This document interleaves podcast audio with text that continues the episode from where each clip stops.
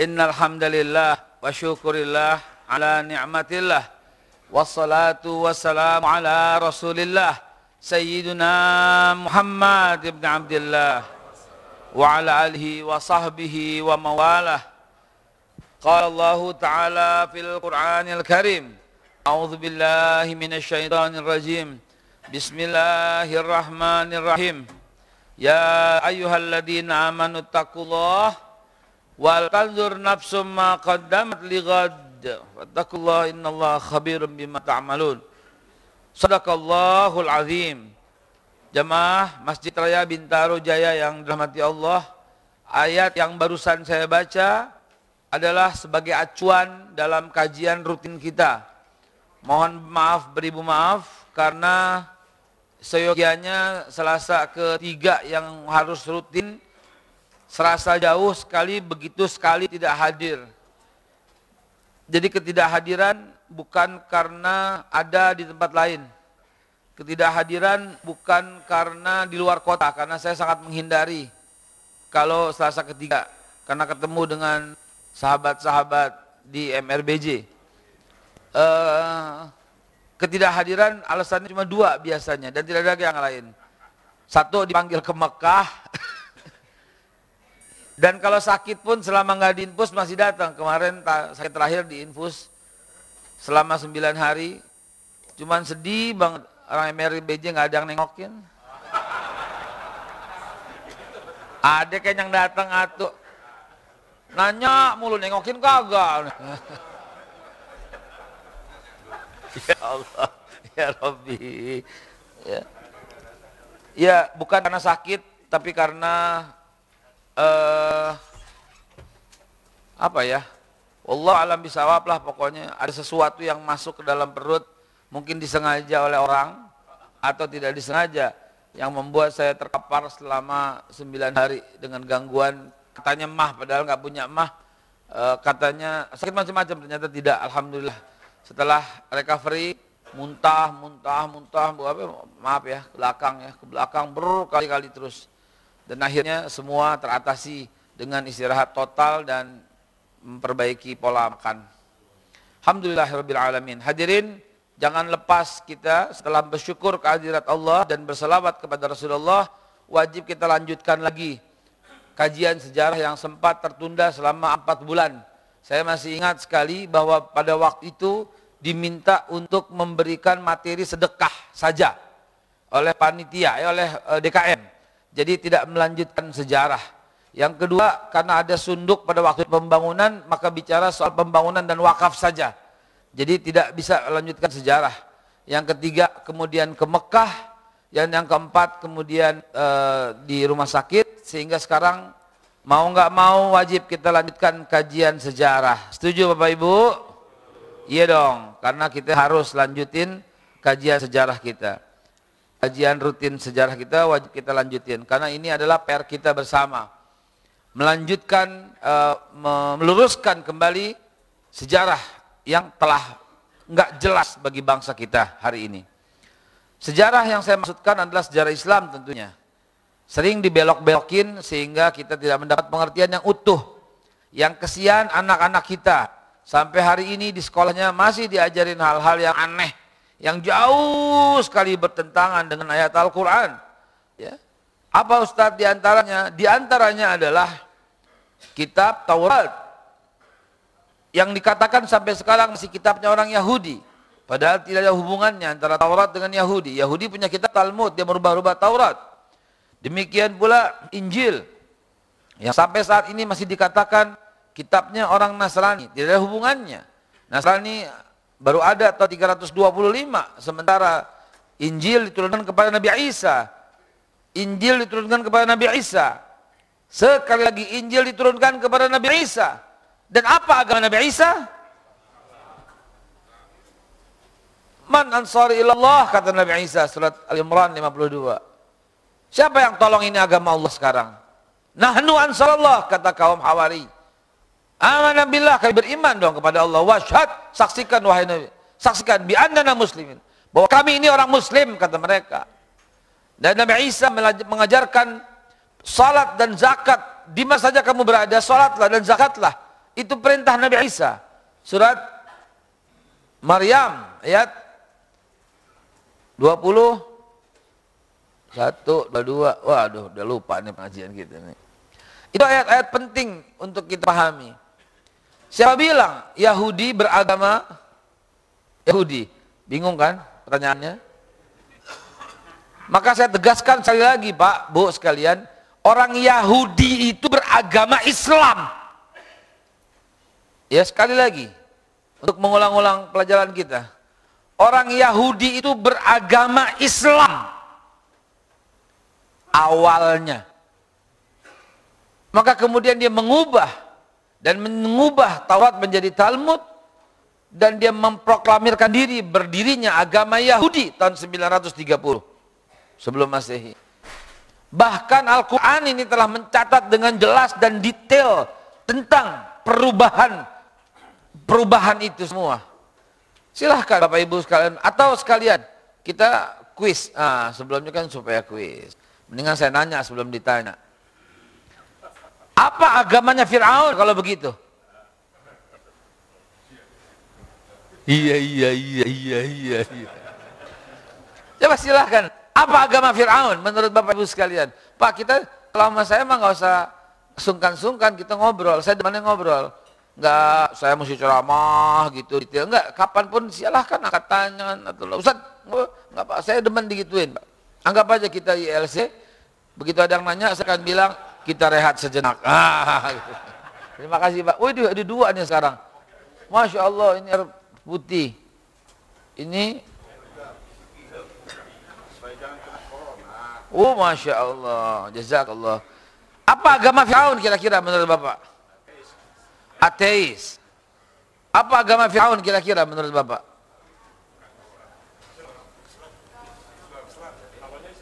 Fir'aun ini Fir'aun yang hidup pada zaman Nabi Musa ada sekalian.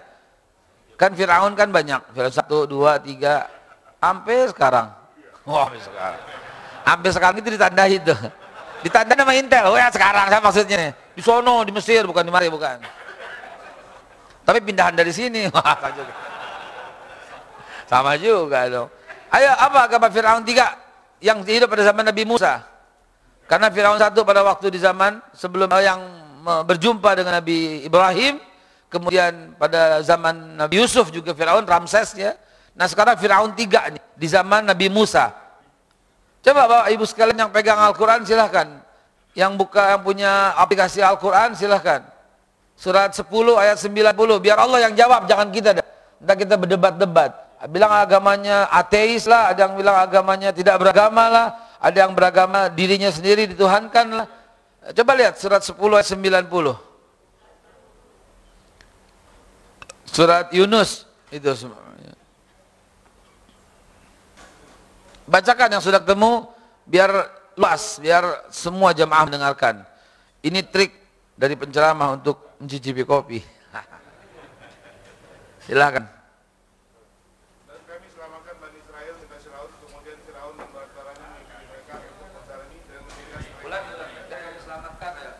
Dan kami selamatkan Bani Israel melintasi laut, kemudian Fir'aun dan bala tentaranya mengikuti mereka untuk menzalimi dan menindas mereka. Sehingga ketika Fir'aun hampir tenggelam, dia berkata, aku percaya bahwa tidak ada Tuhan melainkan Tuhan yang dipercayai oleh Bani Israel. Dan aku termasuk orang-orang muslim. Tuh, kaget kan kita dengar ayat itu, mungkin baru dengar ayat barangkali Pak. Udah ngaji sekian banyak, umur udah 72 baru sekali mendengar ayat. Dan aku termasuk orang Islam. Kata Fir'aun. Ya tapi kan ditolak oleh Allah. Artinya yang saya mau sampaikan ke jamaah sekalian zaman itu Nabi Musa menyiarkan agama Islam. Pak jangan ditutup Pak. Buka 84 sekali lagi. Mau bawa lagi pegang ini. Ini Pak ayo ayo. Ntar nasinya boleh nambah lah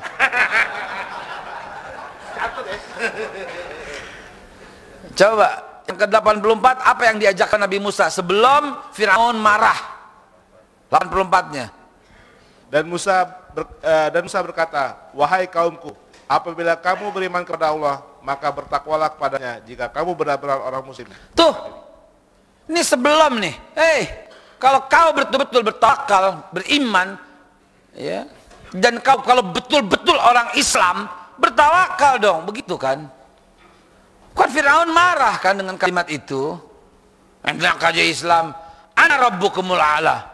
Enak aja Islam, saya Tuhan yang lebih tinggi. Begitu makanya kita belajar sejarah. Dan ini mesti tahu anak-anak jelas dalilnya bahwa Nabi Musa itu tidak pernah menyiarkan agama Yahudi, hanya menyiarkan agama Islam. Itu faktanya begitu, Pak.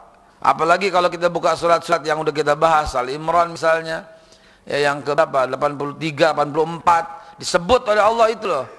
Ya, Ibrahim wa Mu, Ibrahim wa Ismail wa Yakub, Ibrahim, Ismail, Ishak wa Yakub wal asbat wa mauti Musa wa Isa wa nabiyuna min rabbihim dan semua nabi dari Tuhan mereka la nufarriqu baina ahadin minhum wa nahnu lahu muslim wa may yabtaghi ghairal islami dinan jelas disebutnya semua nabi itu kata Allah Subhanahu wa taala tapi sampai sekarang anak-anak kita masih diajarkan agama-agama samawi ini kacau jadinya makanya saya fokuskan di sini deh kalau nggak ada orang yang berani fokuskan di situ biarin saya fokuskan di sini deh ya Mau diracun, diracun, mau ditembak, ditembak silahkan. Buktinya diracun empan kemarin. Tapi nggak ada yang nengokin dari MLBJ. Baperan gue jadinya. Allahu Akbar. Jadi Bapak Ibu sekalian, kita lanjutin saja itu sebagai pengantar betapa kuatnya gitu loh. Betapa berbahayanya. Kalau semua masih berkata agama samawi, agama samawi, agama samawi, yang ada kitab samawi diplesetin Diplesetin. Nabi Ibrahim dikatakan siapa? Bapak semua agama. Diplesetin lagi. Nabi Ibrahim itu bapak semua nabi. Abul Ambiya.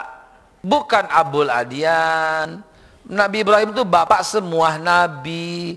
Bukan bapak semua agama. Coba bapak beli, bapak masuk deh ke toko-toko buku deh. Ibrahim, bapak semua agama.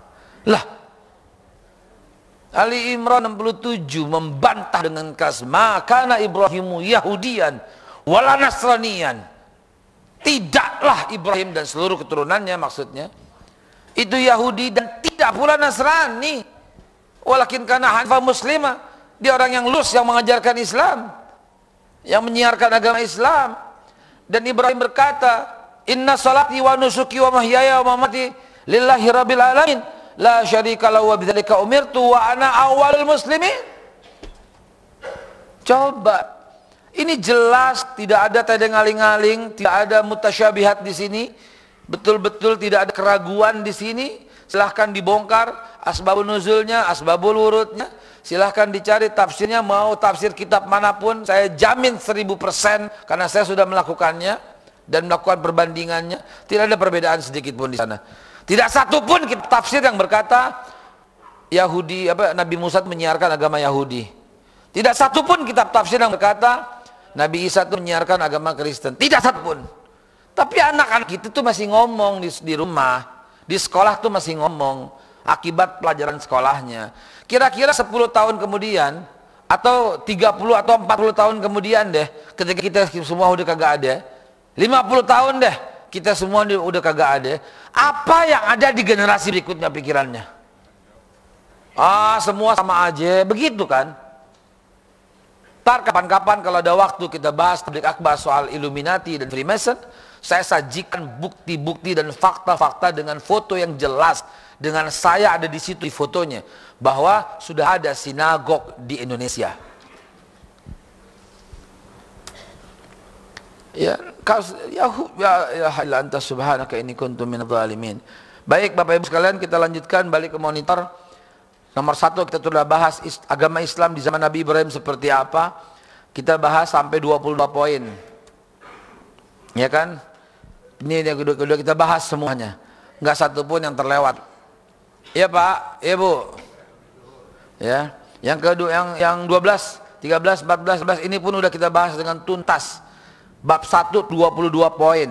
Ini 2 SKS sebenarnya nilainya ini ya. Bagi yang kuliah 2 SKS ini ya. Sampai wafatnya sang raja yaitu Sulaiman ya. Dan apa namanya poster pun udah dibagikan semua. Hilang kali ya, ya? ada ya. Tempel di rumah di laminating ditempel biar anak-anak kita nanya ini apa pak? Gitu. Begitu anak lu nanya yang bab lima yang ini apa pak? Oh bapak belum ngaji sampai situ. Gitu ustadznya bolos mulu gitu. Gue yang disalahin. Bab dua Islam di zaman Nabi Sulaiman. Sudah kita bahas tuntas bahwa Nabi Sulaiman itu menyiarkan agama Islam. Bahkan Ratu Bilqis yang menyembah matahari ya beliau berkata ya dengan Nabi Sulaiman ketika orang bertanya di surat Semut An-Naml ya Aslam tu ma Sulaiman? katanya. Aku tuh diislamkan oleh Nabi Sulaiman. Jadi sebelum menikah Ratu Bilqis disahadatkan dulu oleh Nabi Sulaiman. Tentu sahadatnya mengakui Nabi Sulaiman sebagai rasul selain asyhadu alla ilaha illallah bagaimana prosesnya kita tahu bahwa Yahudi pasca wafatnya Nabi Sulaiman itu petang-tang peteng-teng membunuh para nabi. Siapa nabi-nabi yang dibunuh setelah Sulaiman? Eh, hampir semua. Mungkin yang kita kenal Sam'un atau Samson, tapi enggak berhasil. Atau Hercules yang dianggap sebagai anak dewa. Atau Nabi Samuel, atau Nabi Yusha bin Nun yang kita kenal dalam Al-Quran Nabi Zakaria juga digergaji Nabi Yahya juga dibunuh Nabi Isa juga disalib kata mereka. Ya kata mereka. Yang saya sampaikan adalah bahwa Nabi uh, maaf suku Yahudi ini yang telah berubah menjadi agama Yahudi ini yang telah mutat dari agama Islam ini kemudian membunuh para nabi itu begitu. Itu yang saya mau sampaikan. Sekali lagi nih suku Yahudi yang telah mengubah dirinya menjadi agama Yahudi ya yang kemudian dia telah murtad dari agama asalnya yaitu Islam dia membunuh para nabi yang tidak mau ikut sebagai agama Yahudi. Begitu ya. Dia terbukti semua. Bahkan ketika Raja Herodes dia tidak mewajibkan seluruh negara Yahudi tapi menghukum orang dengan hukum Yahudi. Dan ketika tidak boleh menikah dengan keponakannya ya, maka jadi pesanan fatwanya gagal. Ini zaman dulu ada pesan fatwa. Iya Herod Herodes Herodus Herodus. Itu pesan fatwa kepada Nabi Yahya supaya boleh menikahi keponakan karena dia suka dengan keponakannya sendiri nggak boleh dalam Islam lihat kalimat saya nggak boleh dalam Islam Sekali lagi, nggak boleh dalam Islam karena Nabi Yahya menyiarkan agama Islam. Nggak boleh kata Nabi Yahya. Harus boleh. Nggak boleh. Islam nggak menghendaki itu. Harus boleh. Kalau nggak dibunuh nih. Kalau nggak dipenggal nih. Biarin dipenggal. Dipenggal. Tes. Ini anak-anak kita perlu tahu cerita ini. Nabi Yahya itu memperjuangkan hukum tetapi raja pada zaman itu minta dirubah supaya boleh. Jadi pesan fatwa itu ada dari zaman dulu sampai zaman dulu. Lu yang bilang sekarang ya bukan gue dia yang bilang ya. Pesan fatwa. Kita tahu itu kita cerita pembangkaman Yahudi udah kita cerita ya pembunuhan Nabi Zakaria suasana jazirah Arab di bawah Yahudi berkuasa. Kita ceritakan flashbacknya bagaimana bangsa Assyria mengambil mengambil apa? Masjidil Aqsa. Lalu kemudian diambil lagi bangsa Babilonia tahun 597 lalu diambil lagi oleh Raja Nebukadnezar dari Baghdad. Lalu kemudian bangsa Persia mengambil Masjidil Aqsa. Raju, lalu Raja Zerubabel lalu bangsa Makedonia lalu bangsa Syracuse lalu Herodus yang tadi saya ceritakan saya udah cerita secara detail ya semua hal ini sampai zaman Herodus bagaimana kejahatannya. Lalu apa yang terjadi kemudian? Pemboikotan lahir Nabi Isa. Udah kita cerita kenapa Nabi Isa lahir di dataran dan musim panas karena surat Maryam yang secara detail menjelaskan bahwa Nabi Isa lahirnya bukan di kandang domba tapi di sebuah taman yang indah. Ya bukan bukan di kandang domba tapi di taman yang indah. Jangan sampai anak kita masih menyangka nah, beliau ada di musim salju. Jelas-jelas Al-Quran mengatakan di musim ya ketika kurma sedang lagi goncangkanlah pohon kurmamu itu loh. Maka rontok itu bunga buah-buah kurma yang masih masak. Dan itu betul sekali ternyata memang kurma tidak ada yang di musim salju. Dan bersendernya di pohon kurma bukan di pohon cemara hati-hati anak-anak kita ya teracuni pikirannya karena begitu masif ya penyebaran itu di pohon cemara enggak di pohon kurma di pohon kurma lihatlah silahkan lihat busana Nabi Isa. Silahkan lihat. Di literatur mana pun silahkan lihat. Busana Nabi Isa bagaimana? Gamis. Ya, gamis pak. Tapi dikatain kita. Gamis itu ke Arab-Arapan. Mau kilo jauh saya bilang. Enggak ngerti sejarah pakai ngomong sih gitu loh. Ya. Lihatlah Bunda Maria. Silahkan cari di literatur mana pun Bunda Maria pasti berkerudung. Betul tidak sih saya ngomong? Nah buka mata dong. Kalau Nabi Isa berjubah. Bunda Maria atau Maryam berkerudung, siapa dia gitu loh. Ada foto Bunda Maria you can see? Hah?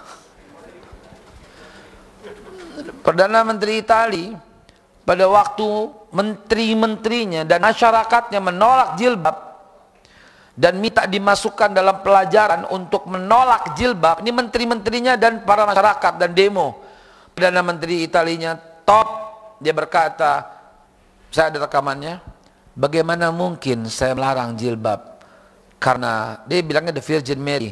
The Virgin Mary always wearing hijab how can I disobey this coba bagaimana mungkin saya melarang jilbab karena the Virgin Mary itu Maria yang perawan. Bunda Maria itu selalu menggunakan hijab. Bagaimana saya bisa mengabaikan ini? Maka permintaan dewan, permintaan DPR sono, ya, permintaan para masyarakat tidak bisa saya kabulkan dan silahkan menggunakan jilbab. Top. Itu masuk akal. Gak usah ngomong agama, kita ngomong sejarah aja deh. Lihat, itu tuh anak kita tuh mesti tahu sampai ke sana tentang pemaksaan fatwa itu. Kalau nggak dipenggal, kasih tahu buku Buya Hamka dalam bukunya Lembaga Budi, salah satu buku pertama tuh yang saya baca, ya, itu menuliskan ketika uh, gurunya yaitu Ayar Sultan Mansur itu harus merukuk kepada matahari oleh Jepang, ya di Padang sana, itu dia nggak rukuk tegak sendiri Ya, Malik masih kecil nih. Malik nama kecil Hamka. Malik masih kecil nih. Ya, ketika Malik masih kecil, dia tanya, Ayu, ya, Abu ya, guru kenapa guru nggak ruku?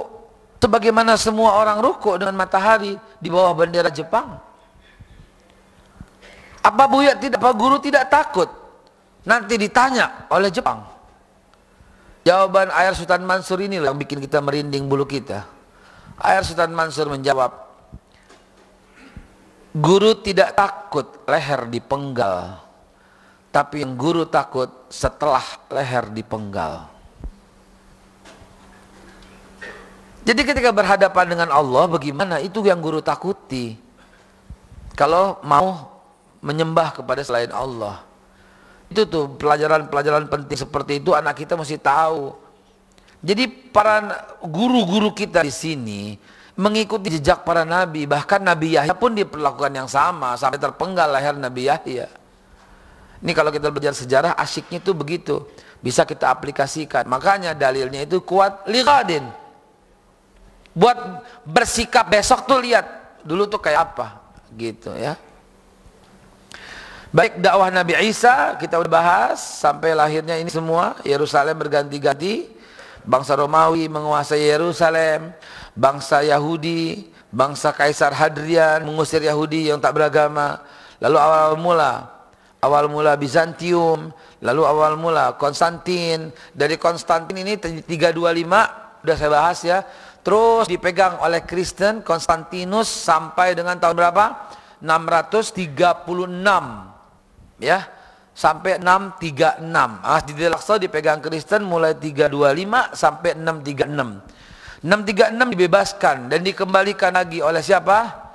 636 Umar bin Khattab, Masya Allah. Ya, 632 Rasulullah wafat, 634 Abu Bakar Siddiq wafat, 636 dua tahun kemudian Umar bin Khattab membebaskan Masjidil Aqsa dengan berapa ribu tentara? Berapa ribu tentara? Untuk mengambil kembali itu dengan berapa ribu tentara? Berdua Umar bin Khattab sendiri dengan pembantunya Aslam. Berdua saudara. Begitu wibawanya Umar bin Khattab pada waktu itu. Ya, begitu dahsyatnya musuh takut menggigil dengan datangnya Umar bin Khattab. Padahal Umar bin Khattab datang hanya untuk damai, tak satu pun yang dilukai. Tapi begitulah wibawanya umat Islam masa itu. Inna syaitanu yafirru min Umar. Setan tuh lari ngibrit daripada Umar. Nggak berani. Setan dan sejenis setan dan semua bangsa setan nggak berani dekat Umar. Kata Rasulullah inna wama Umar salaka fajjan illa wa salaka setanu fajjan akhar.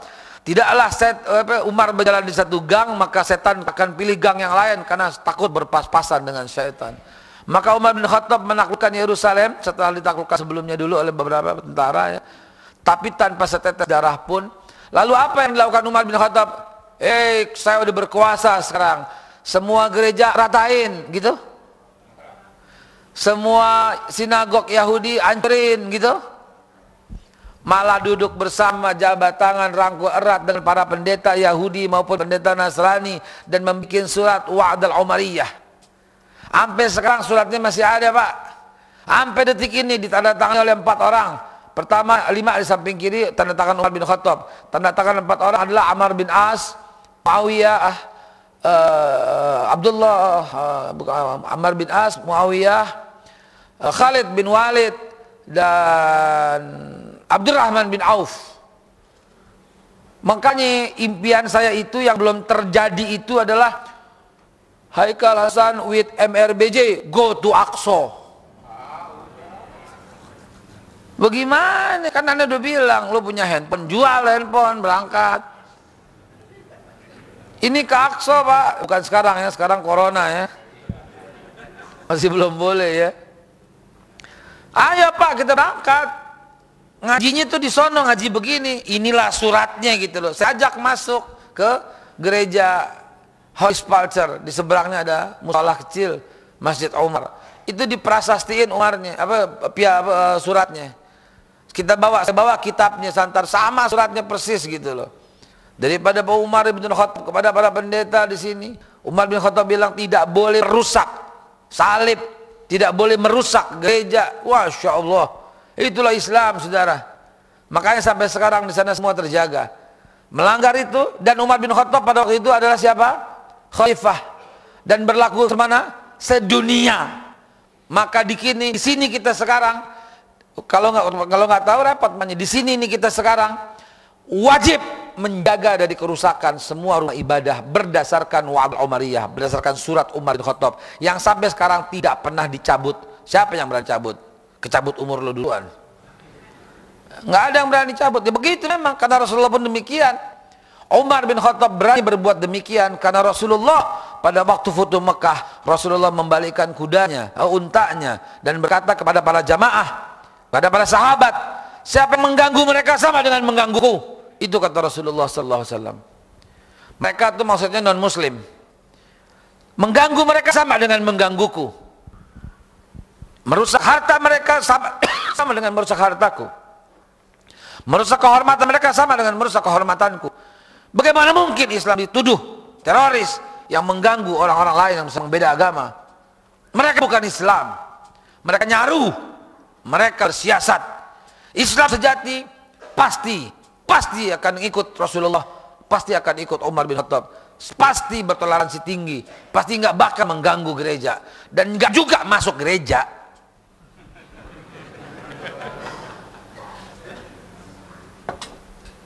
Ini kebablasan. Toleransi dong, tola al badru di gereja pak. Nanti di gereja banyak videonya. Baca maulid di gereja, ini kebablasan namanya. Bawa tumpeng ke gereja. Cukup kita jangan mengganggu sesuai dengan pesan Rasulullah. Enggak usah ikut-ikutan gitu loh. Ya Allah ya Rabb. Kita udah bahas ini. Ini review nggak apa-apa ya.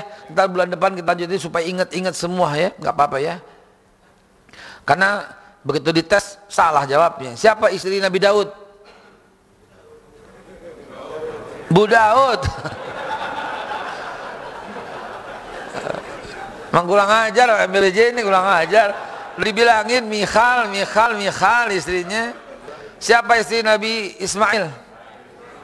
Salah. Bu Mail. Istri Nabi Sulaiman nggak tahu lagi yang kebang sebut-sebut tadi. Salah. Bu Leman.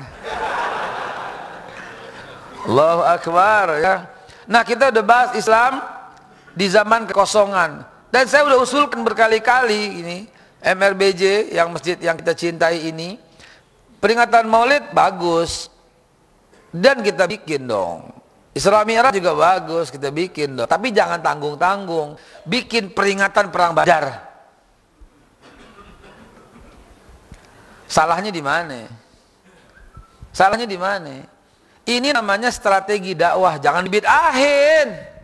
Oh Nabi nggak pernah bikin, Jangan dibid'ahin. Ini adalah strategi dalam mengumpulkan masa. Hadirilah. Gitu kan. Hadirilah peringatan perang badar. Gitu. Bikin lagi. Hadirilah peringatan perang Uhud. Hadirilah peringatan pernikahan Nabi dengan Khadijah. Ayo. Tanggal berapa? Makanya gitu loh. Hadirilah peringatan terbunuhnya Umar bin Khattab oleh siapa? Kapan? Tanggal berapa? Coba hadirilah peristiwa peringatan peristiwa hijrahnya dari Mekah ke Madinah. Ayo bikin peringatan tiap bulan gitu loh. Kalau bingung dengan biaya, undang aja ya saya gratis. Dan orang-orang ini tidak usah dikasih makan. Karena lu pasti punya makanan di rumah. Masjid jangan dibani dengan makan, makan, makan, makan, makan, makan. Kalau perlu bawa makanan dari rumah ke sini, kita gabung, kita bikin prasmanan, makan masing-masing kita bawa. Begitu, gitu aja selesai. Jadi masjid dibebani dengan amplop, dibebani dengan makanan, dibebani dengan ini. Jadi nggak mau jadi peringatannya, ah buang-buang biaya gitu. Jadi biar strategis gitu loh ke depan gitu loh. Ya, perang Badar itu tanggal 13 Agustus. Bertepatan dengan 17 Ramadan.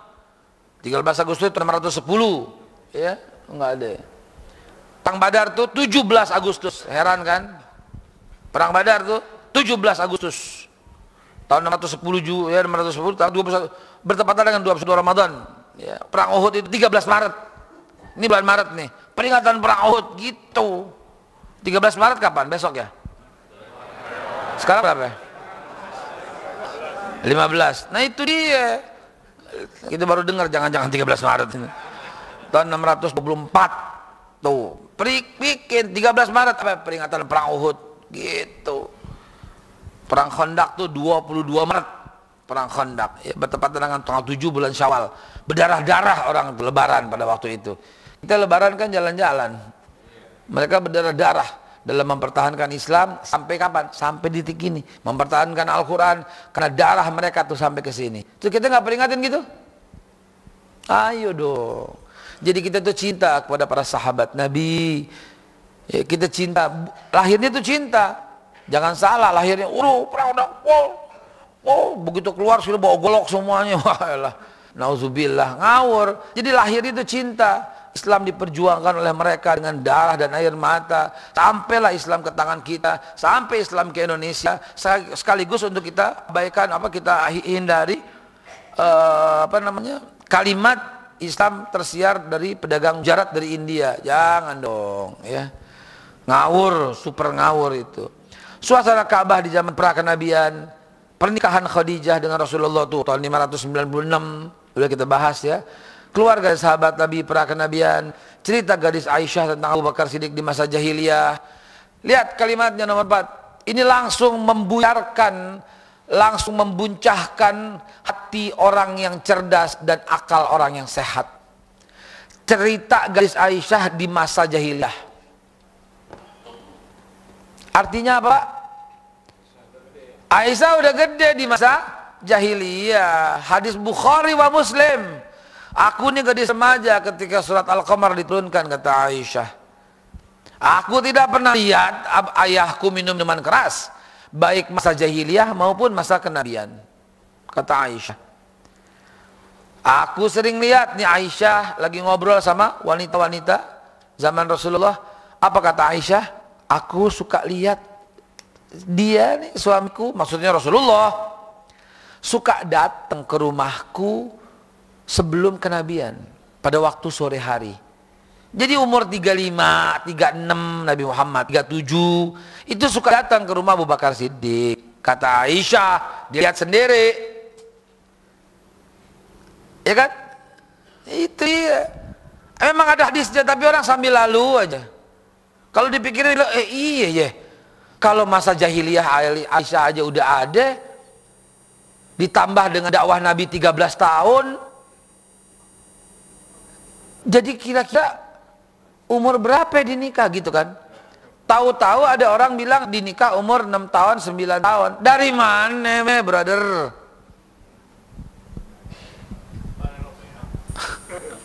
Jadi itulah ngaji. Saya udah bikin kok analisa waktu itu. Udah dibahas ini. Ya, udah dibahas, udah dibahas ya. Udah yang lewat, yang lewat ya. Kita skip. Mau foto, Pak? Tuh foto udah sebentar. Cerita gadis Aisyah.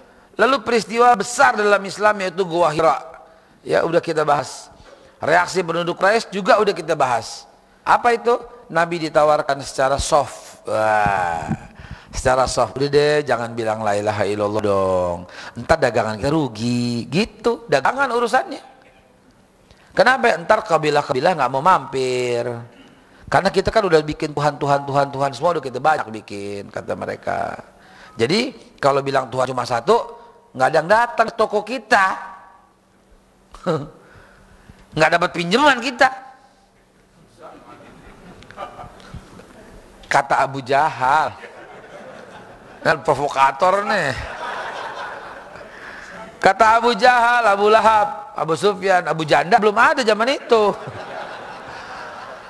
Ya, kita mesti baik-baik dong sama mereka, katanya begitu. Tolong bilangin dong, ini jadi biang kerok, tolong bilangin. Apa jawaban Nabi ketika ditawarkan? In kana yuridu mulkan. Coba bayangin. Kalau dia pengen jadi raja, malaknahu alaina. Kami jadiin raja.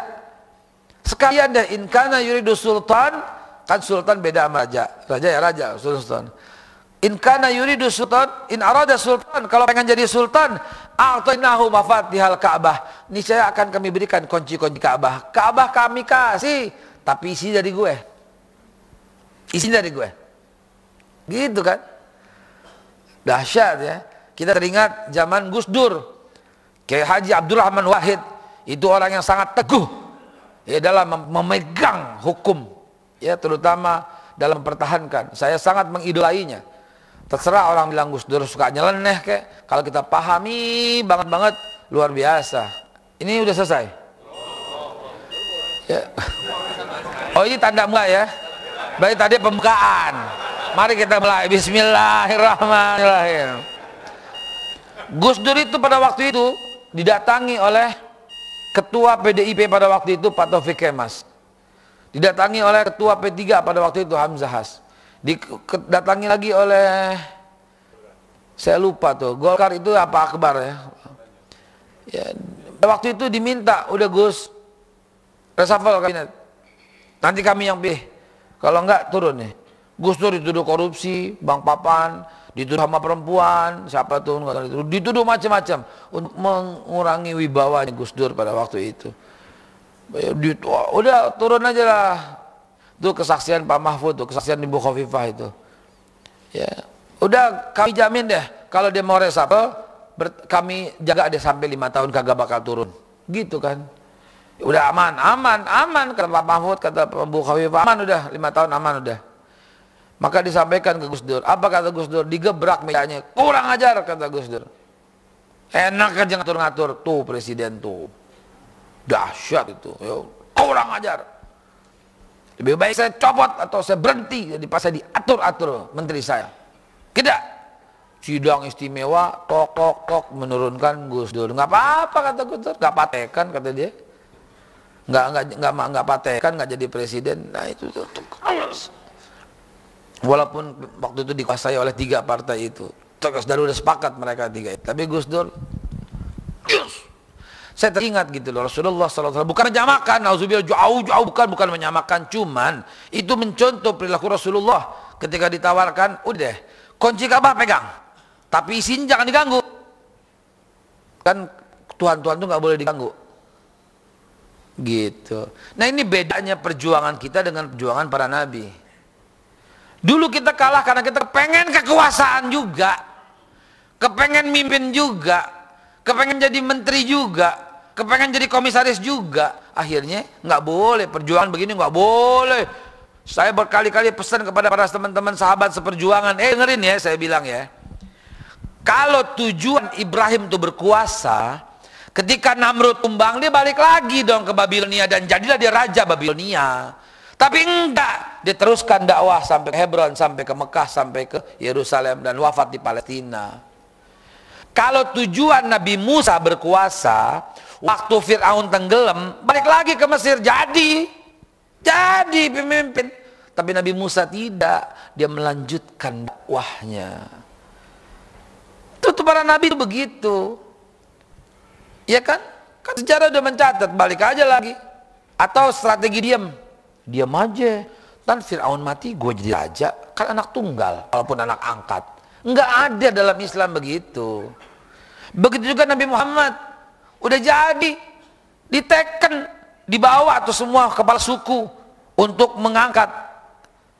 Itu udah bahas kok saya udah jelasin kok dalilnya banyak. In kana yuridu jahan ja'alnahu sayyidan alaina. Ayo jadi pembuat undang-undang. In kana yuridu malan kalau pengen harta Jalna aksara namalan alaina. Kami kumpulkan harta eh, biar dia lebih banyak daripada kami. Dikasih proyek Nabi Muhammad itu. Infrastruktur, bukan infrastruktur waktu itu ya. Waktu itu Nabi Muhammad apa? Proyek apa tuh Rasulullah? Proyek patung. Proyek patung pada waktu itu. Ambil deh semua. Ka'bah ambil kuncinya, isinya jangan diganggu. Apa kata Nabi? Saya tuliskan dalilnya di sini tuh kata Rasulullah ya. Ya ammi hai paman. La wada syamsu fi yamini wal qamara fi yasadi. Wal qamara fi yasadi. La atruka hazal amru. Ma taraktu. Tidak akan aku tinggalkan. Hatta yushirullah sampai Allah menangkan aku. Au ahli kaduna. Atau saya binasa karenanya. Dahsyat jawaban itu. Tinggal ada tawar menawar dalam hak. Tidak ada negosiasi dalam hak. Ya, negosiasi itu strategi. Ya bukan urusan hak dan batil reaksi penduduk Quraisy. Ya reaksi penduduk Quraisy timpukin Nabi. Sampai filmnya udah kita puterin kan waktu itu kan timpukin. Lalu kemudian apa? Pemboikotan diboikot. Habis keras nggak bisa lunak. Boikot boikot. Begitu diboikot harta Khadijah habis. Kenapa? Karena dijual satu lembar demi satu lembar hartanya untuk memberi makan orang-orang yang lagi diboikot Bagaimana? Itulah dakwah. Tolong diviralkan ini, tolong diviralkan. Pesan kami daripada teman-teman sesama pejuang dakwah, sesama dai, sesama para penceramah. Rasulullah itu dia kaya, kemudian dakwah jadi miskin. Kebanyakan dari kita miskin, terus dakwah jadi kaya. Kebalik brother. Ya. Kebalik Rasulullah itu dakwah ditimpukin. Zaman sekarang dakwah ditungguin. Diterima dakwah kita udah beda gitu loh. Jangan sampai nih para dai pilih-pilih musolah kecil ah udah wakilin, wakilin, wakilin. Sering nggak begitu? Ya Rob, jangan sampai terjadi. Haram ente. Haram ente. Demi Allah yang memegang jiwa ini dan kita semua. Jangan pernah ada perubahan. Para DKM juga Jangan ada perubahan. Oh jamaah banyak, semangat. Zamannya dikit, nggak semangat. Haram ente. Emang mau dianggap bagus, hebat gitu. Uh jamaahnya banyak, sampai keluar-keluar, hebat gitu. Hati-hati ini, mainan hati ini. Ya nggak ada nggak ngaruh pak. Bagi kita nggak ngepek, nggak ngepek. Mau yang hadir banyak, mau yang 10 orang nggak ngepek. Mau jemput sama Alphard atau ojek nggak ngepek. Paling kalau hujan lu lepek. Ya tega banget sih dari condet kemarin naik ojek, MRBJ gitu loh. Minimal nggak kehujanan deh. Untung ada Erik yang jemput tuh. Biar kijang butut juga nggak masalah buat kita. Yang penting nggak kehujanan ya nggak. Mentang-mentang, oh kalau satu kalau pakai apa aja boleh, pakai ojek deh, ya lepek gue. Apalagi jauh begitu, bengek sampai sini. Orang yang biasa naik motor beda gitu kan, ya kira-kira lah kalau begitu. Ya. Tapi begitulah, wah masjidnya luas, wah amplopnya tebal, datang. Ya musola kecil ya ngaji 20 orang lah. Ya. Ini ente dakwah atau mau ngapain? Atau mau dagang? Rasulullah lihat perjuangannya, malu kita sama Rasulullah begitu tuh malu banget Allah. Ya Rabbi. Ya, wah, Ustaz Eka sendiri mobilnya banyak, dikasih. Dan bukan dalam urusan dakwah, dikasih. Kan saya punya bisnis, tanah Bukit Suit Jonggol, dikasih mobil. Ya, umroh banyak gitu loh. Dikasih, ada dikasih mobil untuk operasional kan begitu. Ya. Rumah, ya masa bisnis perumahan nggak punya rumah kayak calo dong gitu ya kita bisnis pak. Kita dagang pak. Ini kopi masya Allah ini kopi. Di dalam belakang ada lo nggak beli awas lo ya. Lah ya ini kan penting buat Alip. Penting. Ngerti nggak pak? Paham ya? Jangan wow mulu kesian emak lo kesian bini lo. Wow mulu wow mulu. Alip dong. Nah ini kopi Alip. Paham nggak? Paham nggak? Eh kamu jomblo nggak paham? Jomblo nggak paham? Pada Pak Saiful saya pesan di belakang, tanya udah nikah belum? Kalau belum nikah jangan boleh beli kopi ini, jangan. Ini kopi buat orang yang menikah. Ente boleh betul beli itu. Apalagi umur 55 ke atas. Ah. Itu udah perjuangan hidup itu hidup itu berjuang itu ya ini mudah-mudahan insya Allah ada manfaatnya untuk itu ya hadirin ya reaksi bagaimana? Ya pemboikotan. Keji banget reaksinya. Nggak boleh dagang. Empat perjanjiannya. Satu tidak boleh berhubungan dagang oleh umat Islam. Tidak boleh jual beli oleh umat Islam.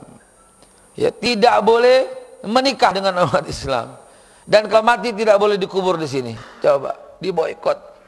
Habis harta Khadijah. Waktu habis Khadijah nangis, bukan sel. Sampai Rasulullah minta maaf, maafkan saya, kata Rasulullah. Enggak, kata Khadijah. Andai kata aku mati dan tulang belulangku bisa digunakan untuk memudahkan dakwahmu, gunakan. Gunakan wahai suamiku. Tuh. Makanya Rasulullah tuh nggak pernah bisa lepas dari mulutnya Khadijah sampai beliau wafat Khadijah, Khadijah, Khadijah, Khadijah, Khadijah, Khadijah. Waktu foto Mekah ini peristiwa yang sangat penting. Futu Mekah. Nabi Muhammad wasallam ketemu dengan teman Khadijah, udah tua nenek-nenek, dia turun dari untanya, dia buka imamahnya, dia gelar untuk berhadapan dengan teman Khadijah itu. Dia dengerin, ngangguk, ngangguk sahabat pada nungguin semua. Kok Nabi nggak melanjutkan perjalanan? Eh, ada teman Khadijah. Saya memuliakannya. Pak, buka mata lebar-lebar, terutama yang nyender.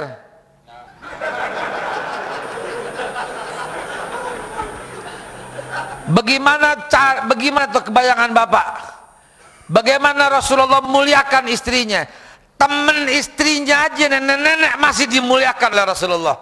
Bagaimana istrinya? Dengan teman Khadijah aja Rasulullah tidak membantah, diem. Iya, yeah, paling nggak pernah motong, motong, motong ngomongannya. Apalagi motong potongan Khadijah.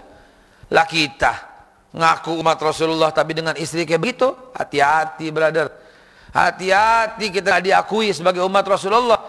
Jangan-jangan yang menyeret kita ke neraka itu bukan amalan yang buruk, tapi perlakuan kita kepada istri. Hati-hati pak. Karena itu amanah Rasulullah sebelum wafat. Tiga yang Rasulullah sebut sebelum wafat. Ketika mulutnya berkomat kamit. Fatimah menempelkan telinganya ke mulut Rasulullah. Dan Rasulullah bersabda, salah as-salah. Yang kedua, anisa itakun nisa. Wanita kata Nabi, lindungi kaum wanita. Lindungin. Tadi saya datang ke lebih ke pagian. Datang ke pagian, akhirnya saya ke mana ya? Akhirnya duduk tuh di McDonald.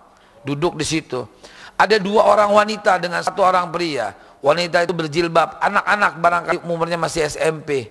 Ya Rob, ya Rob, saya masuk sebentar, ah, ini anak, saya teringat hadis Nabi itu, lindungi wanita, saya mau balik lagi, mau melindungi dia gitu, kamu ini siapa? Kenapa ini begini-begini? Saya pulang, dia udah ketakutan lihat saya, terus terus hilang, terus kabur.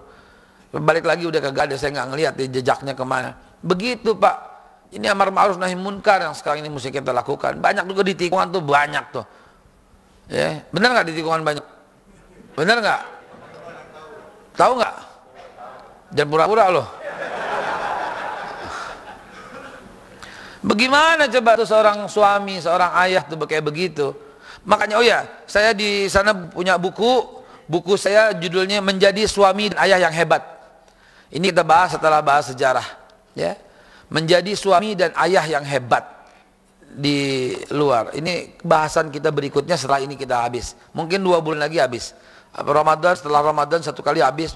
Nah, literatur berikutnya ini yang kita bahas. Saya melihat yang fatal error di negara kita itu adalah sejarah dan anak. Ya, salah didik. Ada yang lebih bahaya dari narkoba. Ada yang lebih bahaya dari LGBT. Ada yang lebih berbahaya dari sabu-sabu. Ada yang berbahaya dari perkelahian. Marahnya orang tua di rumah. Galaknya bapak di rumah. Itu lebih bahaya daripada itu semua. Karena sumber anak jadi bandel itu adalah karena dia salah didik. Gitu. Nah, makanya saya buat buku insya Allah sebagai kontribusi untuk bangsa. Buku ini bisa dibaca oleh siapa pun, bahkan beragama apa pun, karena ini trik, trik dan tips menjadi suami dan ayah yang hebat. Begitu. Hadirin sampai di sini dulu. Ada yang nanya? Silahkan. Sebentar, sebentar. Peristiwa turunnya ayat, dampak dan akibat terbukanya tahun duka cita, ya tahun duka cita hijrahnya Rasul. Kita udah bahas semua. Ntar berikutnya ingetin saya sampai awal mula. Oh, masa pas sahabat ya. Sahabat dan masuk zaman uh, Bani Umayyah, Bani Abbasiyah, dan Bani Utsmaniyah. Afadhal satu dua pertanyaan masih bisa untuk syuruk.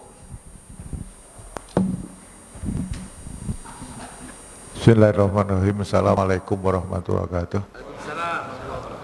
Alhamdulillah jamunya, ma, ma, eh, kopinya udah saya coba Pak Kiai. Mantap kan? Mantap. Mantap. Bu, beliin buat laki lo ya. Tapi kasihnya habis maghrib minumnya, jangan pagi. Kalau pagi dia kerja berantakan tadi kantor dia. Alhamdulillah Pak Kiai. Saya tertarik Pak Kiai, mohon izin Pak. Tolong dong ciptakan kader seperti Pak Kiai.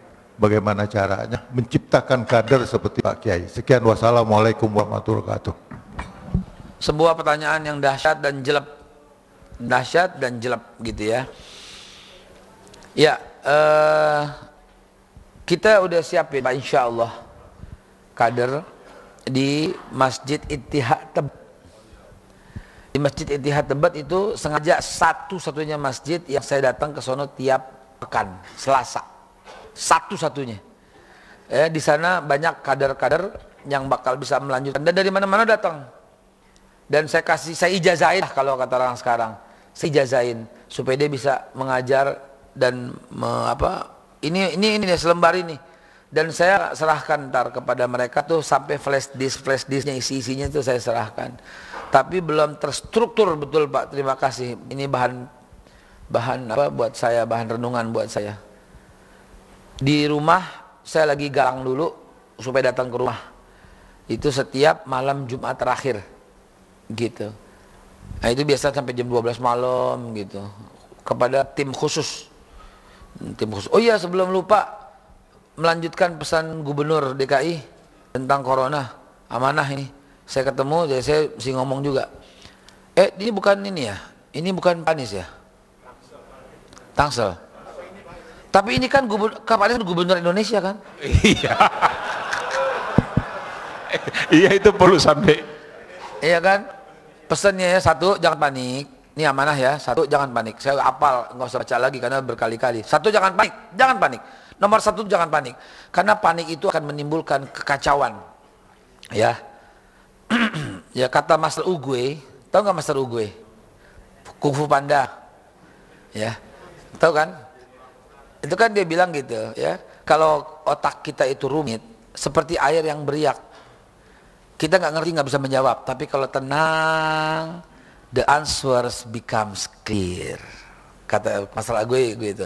Jawaban itu akan jelas. Satu jangan panik, karena panik itu bahkan kalau terlalu panik bisa lebih berbahaya dari virus corona itu sendiri.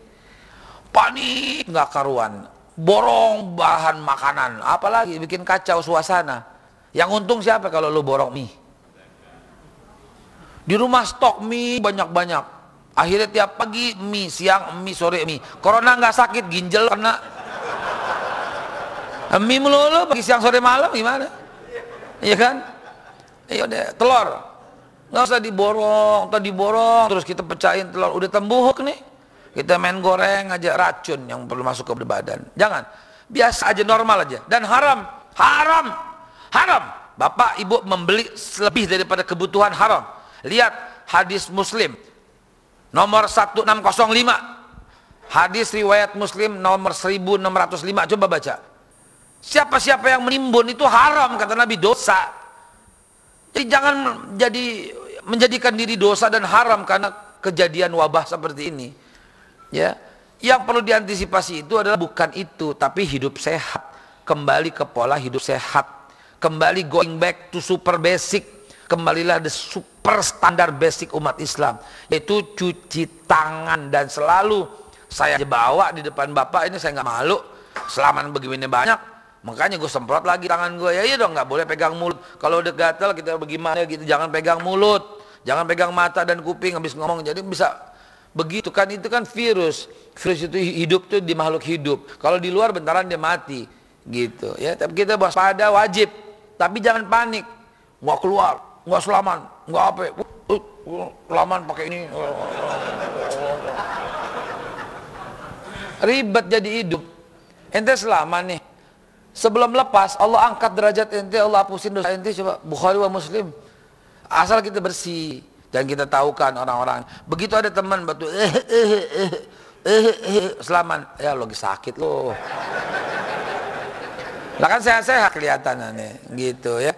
Kalau ada sakit waspada, ya. Terus cadar, enggak eh, maaf uh, masker. Enggak usah ngeborong masker, Pak. Siapa yang untung ntar akhirnya? Masker itu buat orang sakit. Orang sehat enggak usah pakai masker. Tapi dia waspada dan jaga ketika dia masuk ke tempat-tempat umum. Nah, baru dipakai tuh. Tempat umum yang yang enggak ya kita enggak kenal yang berdesak-desakan di kereta dan sebagainya. Ya itu boleh dah. Tapi kalau enggak jangan ya. Itu bahkan menimbulkan suasana yang makin kacau. Itu pesan Pak Gubernur Indonesia. Nah, selama dua minggu ke depan uh, hindari tempat kerumunan hindari uh, apa namanya tentang uh, mall atau rekreasi hindari. Dan di sini kita insya Allah disediakan sanitizer sebelum masuk cuci tangan semua semua ya. Jangan sampai ada yang lepas. Jadi masuk kemari bersih dan batuk atau apa jangan pernah menggunakan tangan. Ya hindak kalau merasa nggak enak badan mendingan nggak usah datang ke masjid. Ya kalau nggak enak badan mendingan nggak usah.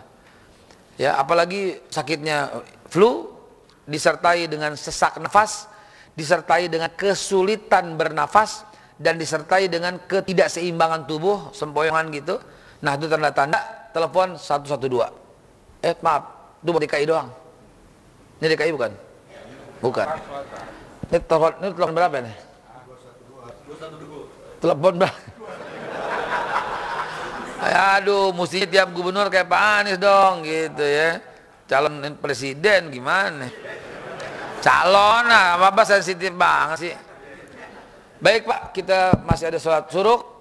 Tunggu dulu satu lagi. Oh boleh Fadil silahkan. Assalamualaikum warahmatullahi wabarakatuh. Waalaikumsalam warahmatullahi wabarakatuh. Ustaz, nah, sekarang ini virus corona ini begitu dahsyatnya. Mm-hmm. Semalam saya lihat di siarkan bahwa yang meninggal di Indonesia itu sudah 96 orang. Uh. Hoax tuh. Bukan. Ini sebenarnya semua, seluruh daerah sudah mengumpulkan itu. Yang sakit kali. Yang meninggal.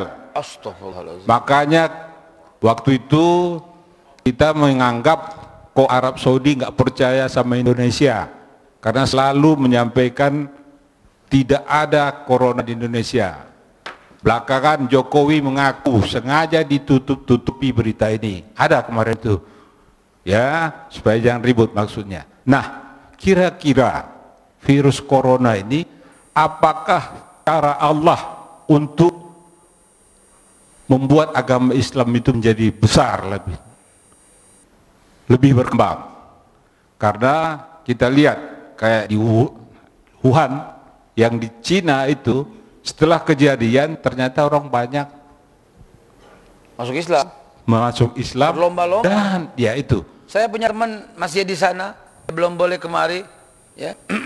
Dia masuk S3 yang pada waktu itu masih batuk jadi pada waktu ada form dia centang batuk. Akhirnya sampai sekarang belum bisa pulang.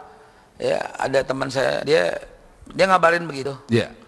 Kalau itu cara Allah membuat kita supaya lebih maju Islam ini dan kira-kira di Indonesia ini apa yang harus kita lakukan Ustaz? Supaya jangan terus-terus Islam di Indonesia dikecilkan dan dihujat terus-terusan demikian Assalamualaikum warahmatullahi wabarakatuh. wabarakatuh. Saya jawabnya pakai ayat aja Pak. Surat An-Nisa Pak. Ayat yang ke-79.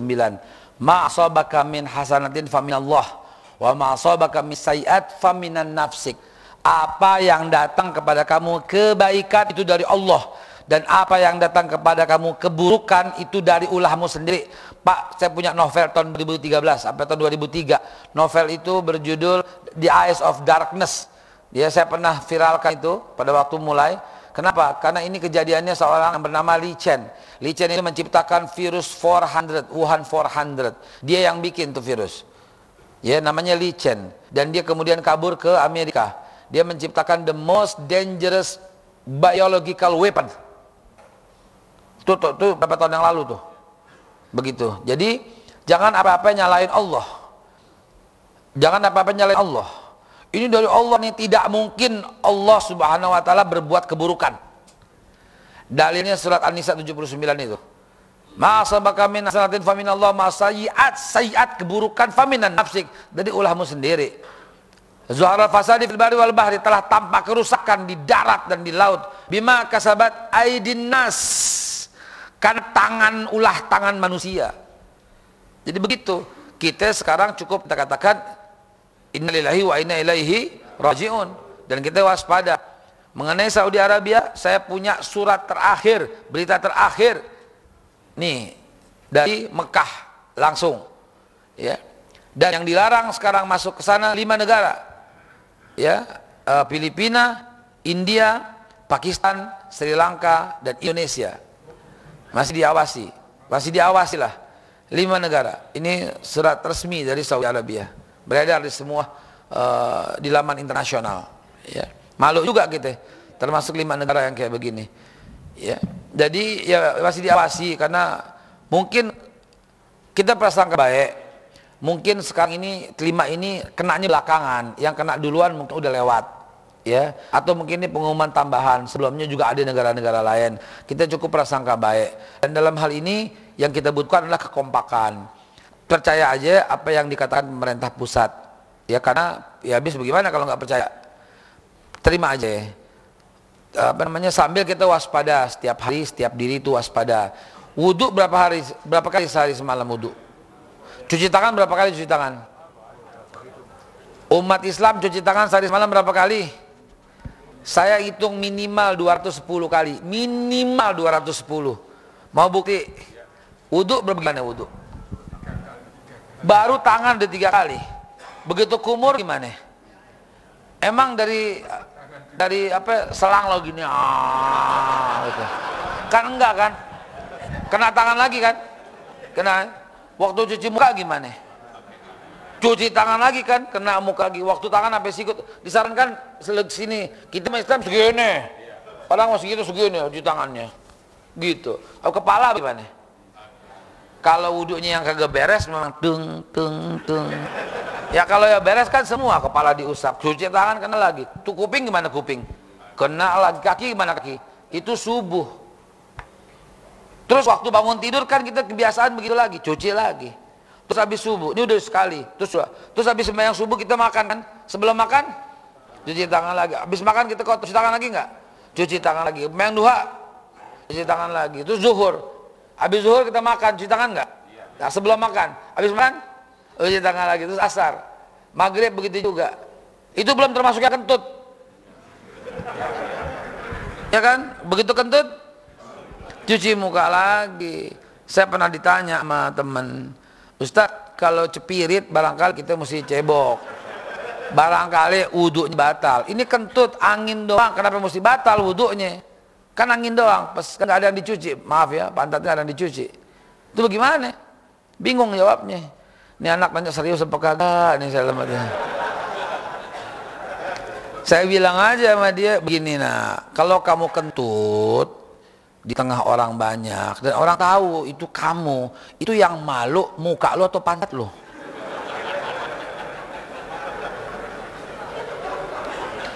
Itu anak diem aja.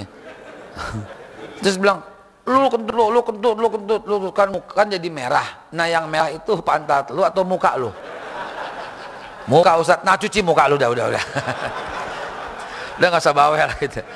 Nanyanya yang ngeledek apinya. Sudah nih kalau dipanjangin kita sampai lohor nih Pak nih percaya sama gue. Hadallah wa iyyakum ajmain. Walahu minkum subhanallah bihamdi subhanahu wa bihamdi asyhadu an la ilaha illa anta astaghfiruka wa atubu ilaih. Billahi taufiq wal hidayah. Walahu minkum. Wassalamualaikum warahmatullahi wabarakatuh.